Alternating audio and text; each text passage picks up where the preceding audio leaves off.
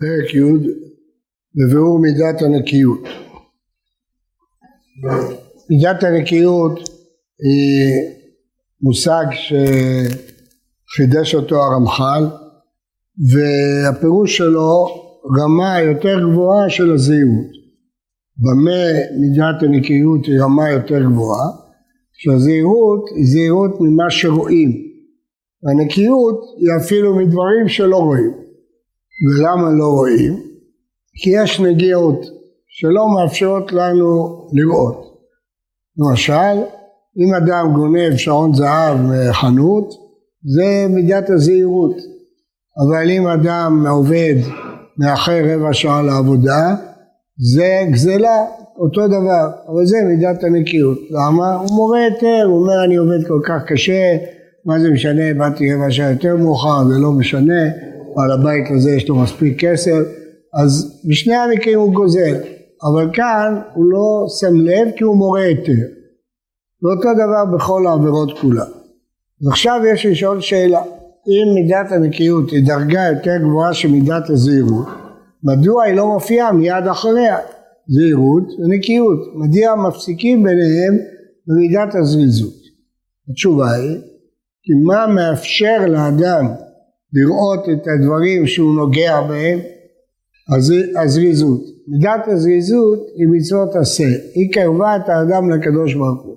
כשאדם יותר קרוב לקדוש ברוך הוא, המחיצות בינו לבין הקדוש ברוך הוא מסתלקות, והוא רואה דברים שהוא לא ראה לפני זה. לפני זה הוא לא יכל לראות אותם. ונראה את כל הדוגמאות בהמשך. מידת הנקיות, היות האדם נקי לגמרי מכל מידה רעה ומכל חטא. לא די ממה שהחטא בו מפורסם וגלוי, אלא גם ממה שהלב נפתה בו להורות היתר בדבר, שכאשר נחקור עליו באמת נמצא שלא היה היתר הוא נראה לו. אלא מפני היות הלב עדיין נגוע קצת מן התאווה, כי לא תואר ממנו מכל וכל, הקט ימשכהו להקל לו.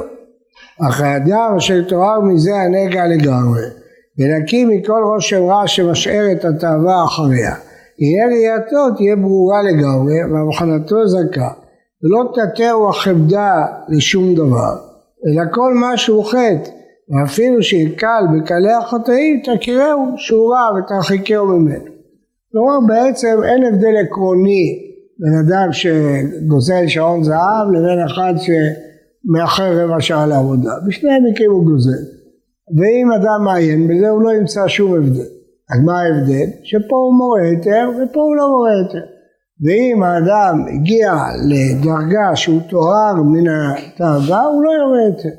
זאת אומרת, כדי להגיע לזהירות, מספיק שיש לך תשומת לב וביקורת על מעשיך. אז אתה תהיה זהיר. אבל זה לא מספיק בשביל להיות נקי. מדוע?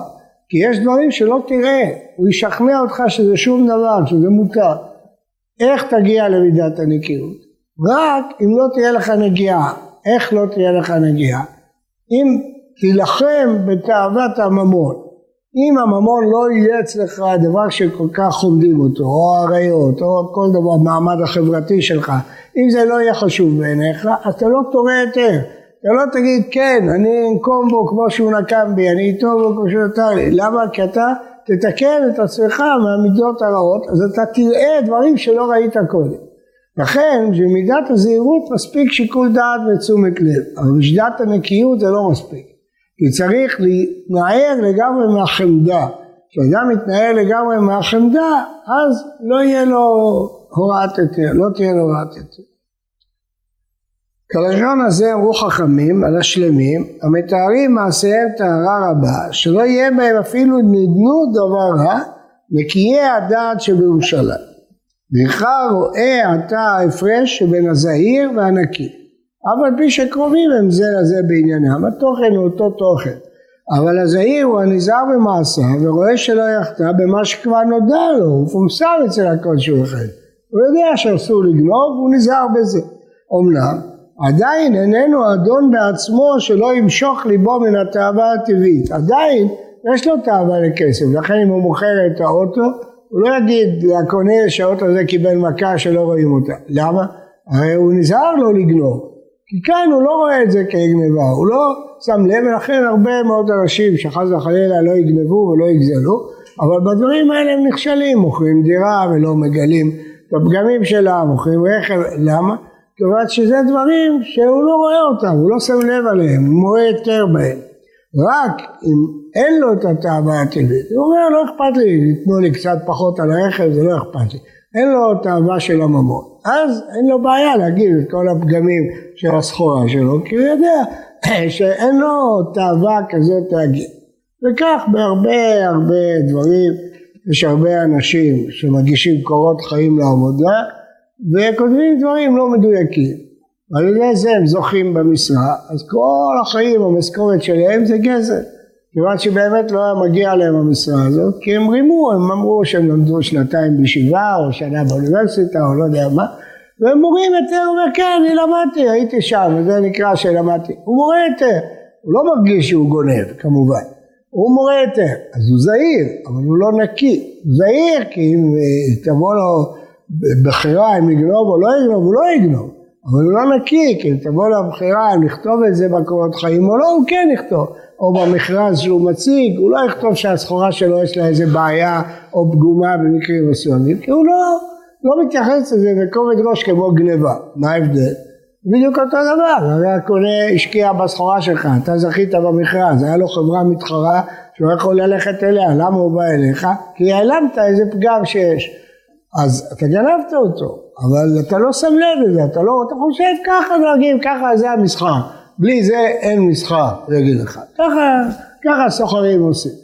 אז על ידי זה אה, הוא זהיר, אבל לא נקי. וזה, כי אף על פי שהוא משתדל לכבוש את יצרו ולכפות את תאוותיו, שזה הזהיר, לא מפני זה ישנה את טבעו. הוא הצליח להתגבר על הטבע שלו, הוא לא שינה את הטבע שלו.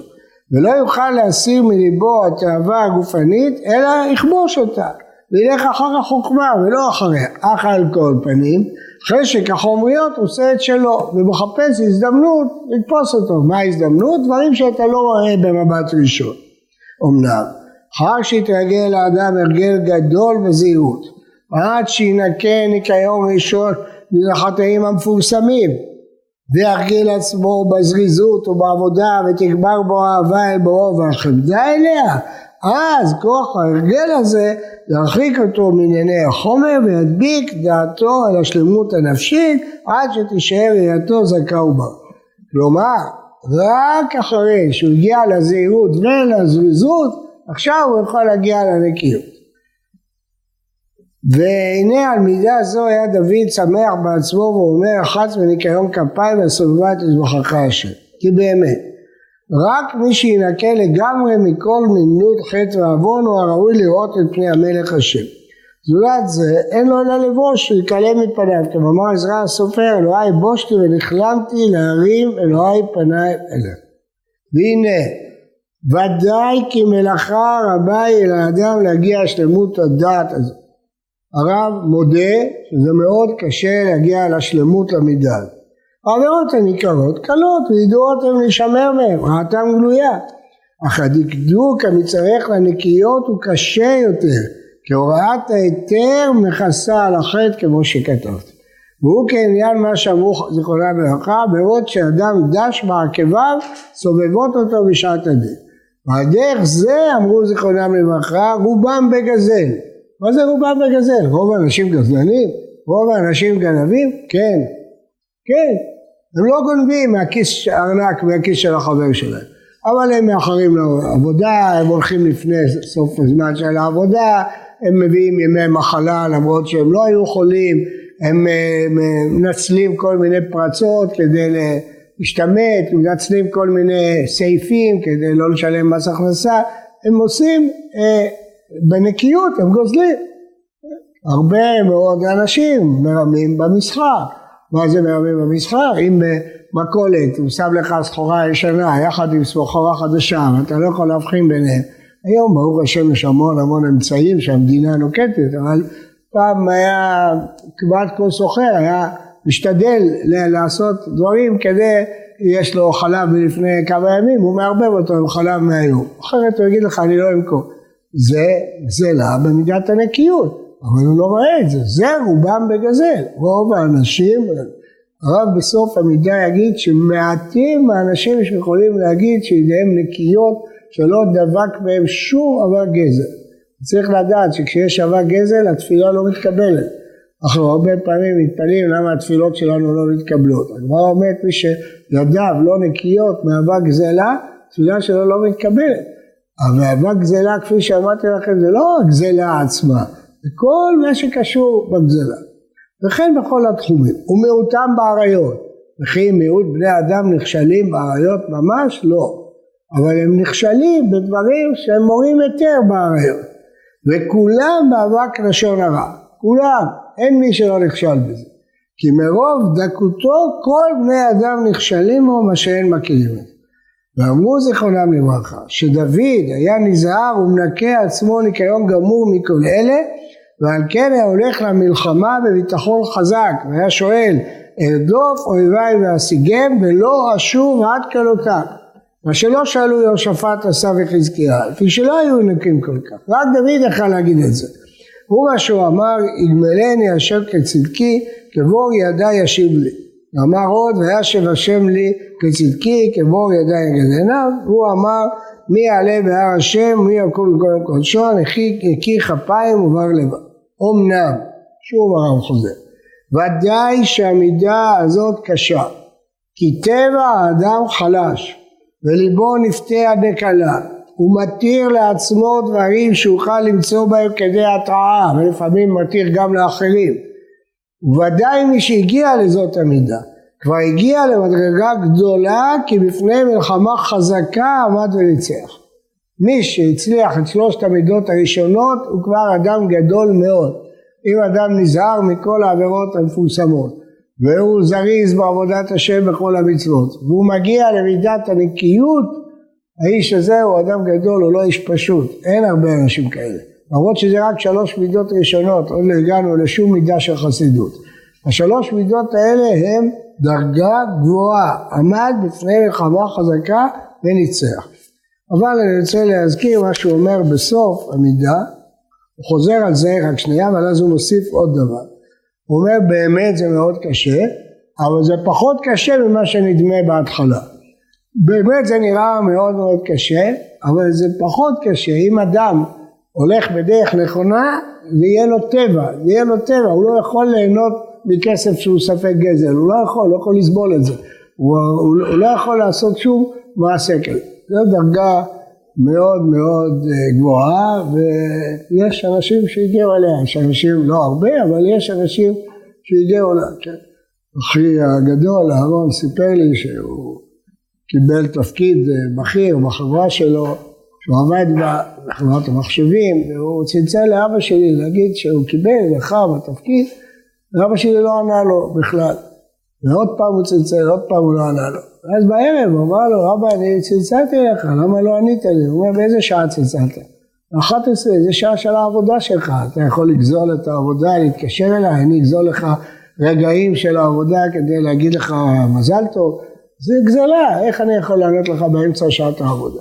זה נקיות, אנשים שרגישים להיות נקיים, לא לגזול אבק גזלה בשום אופן. קשה לנו לעמוד בזה, כמו שהרב אמר, שזה קשה, זו מידה קשה, אבל אה, לא קשה כמו שחושבים, למשל, זה קשה, אבל זה פחות קשה אחר כך, כשמתרגלים לה, פחות קשה ממה שחושבים.